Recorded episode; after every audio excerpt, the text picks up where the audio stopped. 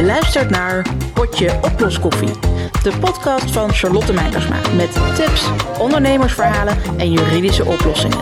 Veel luisterplezier. Welkom bij een nieuwe podcast. Uh, vandaag gaan we het even hebben over de fouten die je kunt maken bij het uh, bouwen en starten van een team. En daar heb ik een gast voor uitgenodigd die daar veel meer van weet en um, veel meer mee gewerkt heeft dan ik. Uh, Gerrit, kun jij jezelf even voorstellen? Je bent van de Selectie, een adviesbureau. Waarom heb ik nou jou eigenlijk als gast hier?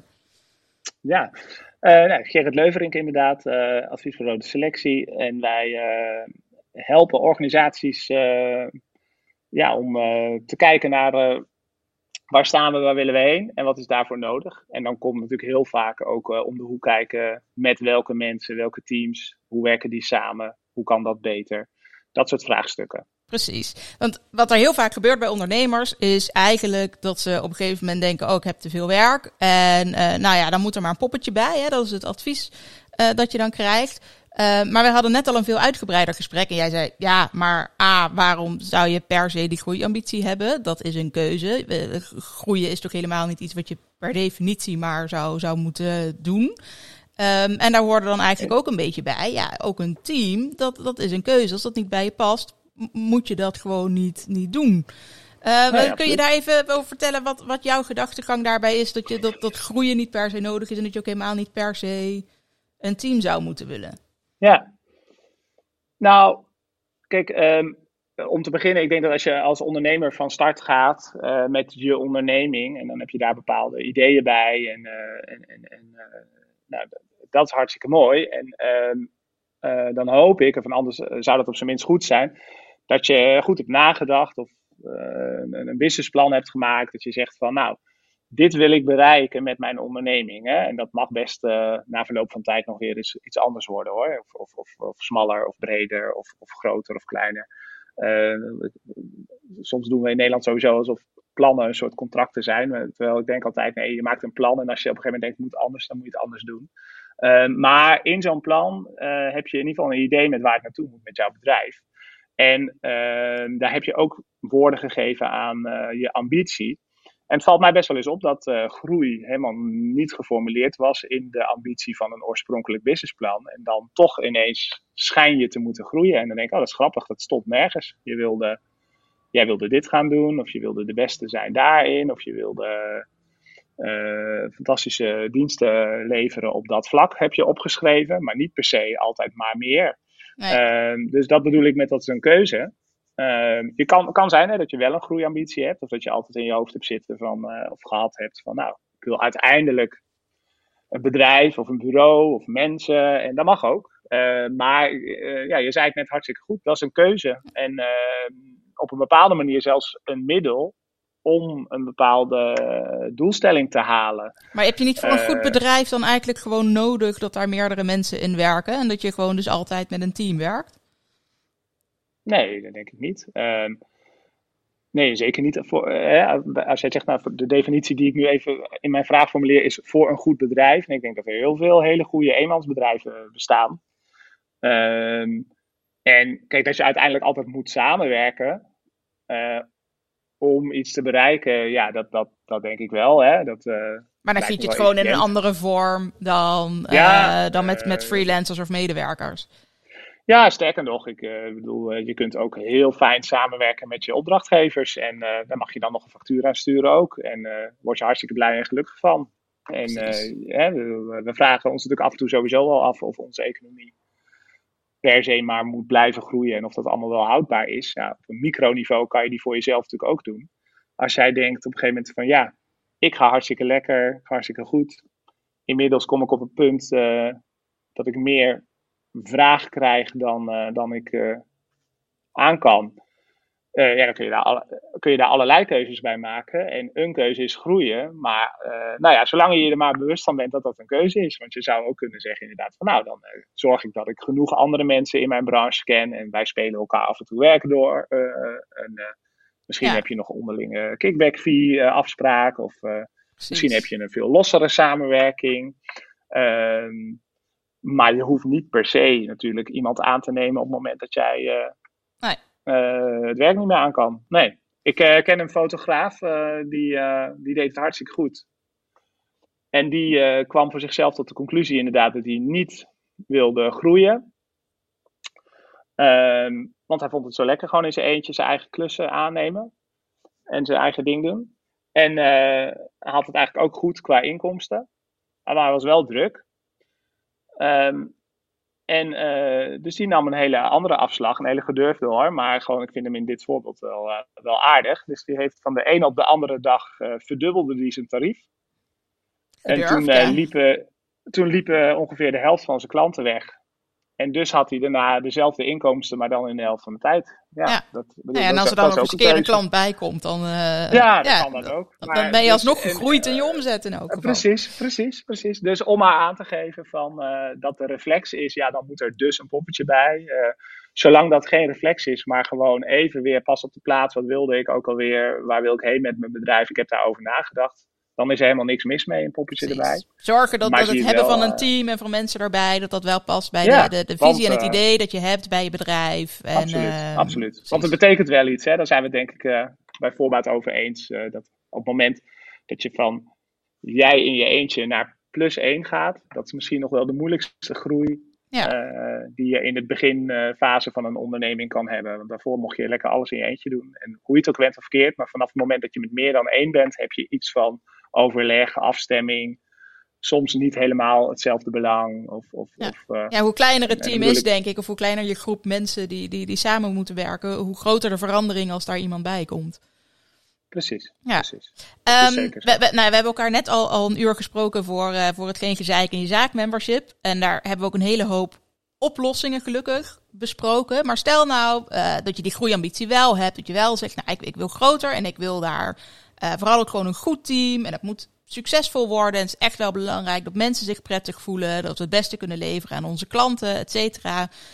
Um, maar ik merk dat heel veel mensen dan toch, als je naar, nu naar vacatureteksten kijkt, uh, dat dat eigenlijk alleen maar gaat om, nou ja, wat is je functietitel en wat is je salaris, bij wijze van spreken. En, en heb je wel een pingpongtafel? Um, ja. Maar wat zijn nou, kun je een paar van de, van de grootste fouten noemen die je veel ziet die gemaakt worden uh, ofwel bij het bouwen van een team, of als het team er eenmaal is, dingen die misschien ontbreken of die, die, die te veel of te weinig gedaan worden? Ja, dat is een mooie gelaagde vraag natuurlijk. Uh, uh, nou, eentje stipt ik al even aan, haal hem toch even van. Hè. Denk in ieder geval goed na over, over het plan wat erachter zit. Hè. Dus laten we even de aanname dan doen dat dat gebeurd is. En dan zeg je dus ja, daar heb ik een team voor nodig. Dan ehm, de andere die je eigenlijk net ook al aanstipt. En dus inderdaad een hele belangrijke. Kijk verder dan uh, hè, wat mensen kunnen, wat ze op hun cv hebben staan.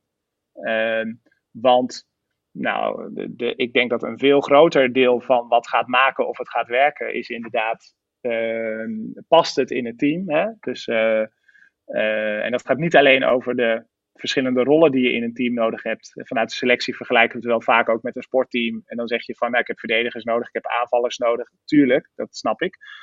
Maar uh, die groep mensen moet onderling uh, ook nog iets voor elkaar over hebben en iets willen. En een soortzelfde opvatting of filosofie op zijn minst hebben over hoe het spelletje gespeeld moet worden.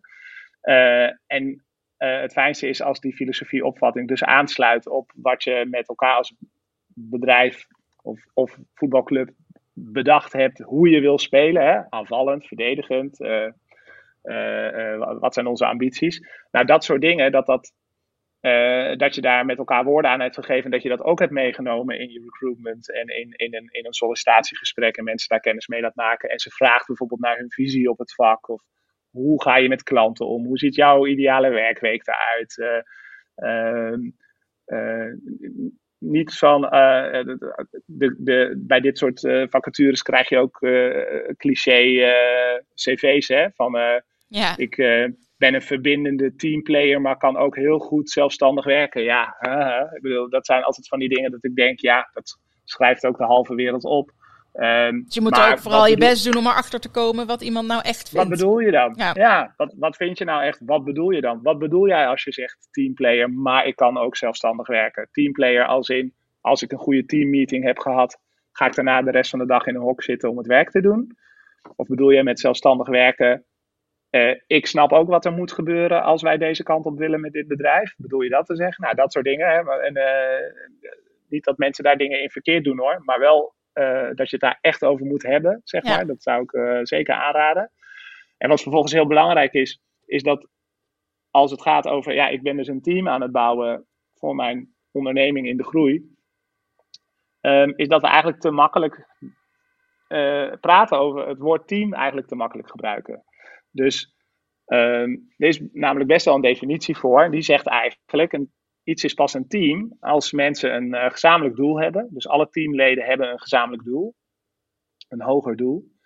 Um, en ze zijn afhankelijk van elkaar om dat doel te halen. Um, dus dat hogere doel van, van jouw onderneming, waar dat team dus voor aan het werk is, dat moet helder zijn en iedereen moet snappen welke bijdrage die daarin heeft. Um, en als die afhankelijkheid er niet is, dan begin je vaak al in een team uh, ja, uh, dynamiekjes te zien die je eigenlijk niet wil. Hè? Dan kan het dus zijn dat de een zit over te werken en de ander kan gewoon naar huis gaan, want die heeft daar verder helemaal geen last van, want het is zijn baan niet of zo. Dat soort, dat soort dingen. Um, dus uh, in het ontwerp daarvan en het goed bedenken van, oh ja, wat is hier dus het hogere doel? Waarvoor zijn wij alles aan het doen? Uh, dat je dat ook met elkaar kan terugherleiden steeds. Hè? Dat iemand pakt een of ander project op. En dan iemand even zegt, oh, wacht, waarom deden we dit ook alweer? Want het kost best veel tijd. We gaan nu een of andere, ik zeg maar wat ISO-certificering halen. Want, Precies. ja, als we die niet hebben, dan eh, die en die opdrachtgevers. Oké, en die opdrachtgevers willen we, voor de duidelijkheid. Ja, die willen we, want wij, willen, wij zeggen dat we in heel Nederland willen we dit en dit kunnen bieden. Dus oké, nee, dan klopt het. Dan gaan we het dus doen. Ja. Maar soms kom je erachter dat je in dat uh, afpellen daarvan eh, op een gegeven moment denkt: hé, hey, dat is gek. We zitten hier uh, partijuren te verbranden met elkaar op iets waarvan we, als we even teruggaan naar dat businessplan waar we het net over hadden, kan ik eigenlijk niet meer uitleggen. En het gezamenlijke doel van dit team ja, dan is het eigenlijk heel gek dat jij nu zo druk daarmee bent of zo. Hè? Dus dat soort dingen, dat moet je met elkaar, met elkaar goed ja, scherp houden. Dus als ik jou goed hoor, dan zijn er eigenlijk een aantal grote problemen die, die, die terugkomen. Uh, dat is vooraf het plan. Hè? Waarom willen we een team? Wat is het, wat is het doel daarvan? Uh, tweede, die juiste mensen bij elkaar vinden, die dus ook wel voldoende bij elkaar passen en een beetje op dezelfde manier uh, kunnen werken. En dus vooral ook met elkaar blijven communiceren. Uh, en dat dat dan niet, niet gebeurt, of dat je niet meer voldoende diezelfde visie voor ogen hebt en je maar gewoon aan het werk bent, in plaats van dat je met elkaar erover praat, oké, okay, waarom doen we dit eigenlijk? Ja, of daar zelfs de verkeerde afspraken onder hebt gelegd. Hè? Dus uh, bijvoorbeeld teams met veel individuele targets, persoonlijke afspraken of, of arbeidsvoorwaarden, die allemaal eigenlijk een klein beetje afbreuk doen aan een, aan een teamdynamiek of een teamgevoel bijvoorbeeld ook heel erg voor dat je niet een persoonlijke target hebt, maar een teamtarget. Dat maakt het meteen scherp. Aan het einde van het jaar willen we die omzet of zoveel nieuwe klanten. Of we willen een, een 8,5 terug hebben gekregen van onze klanten over wat ze van ons vinden. En mag je maar allemaal bedenken wat dat is. Maar als dat ons gezamenlijke doel is, en het maakt daarin minder uit dat ik misschien uh, een, een 9 heb gescoord bij mijn klanten.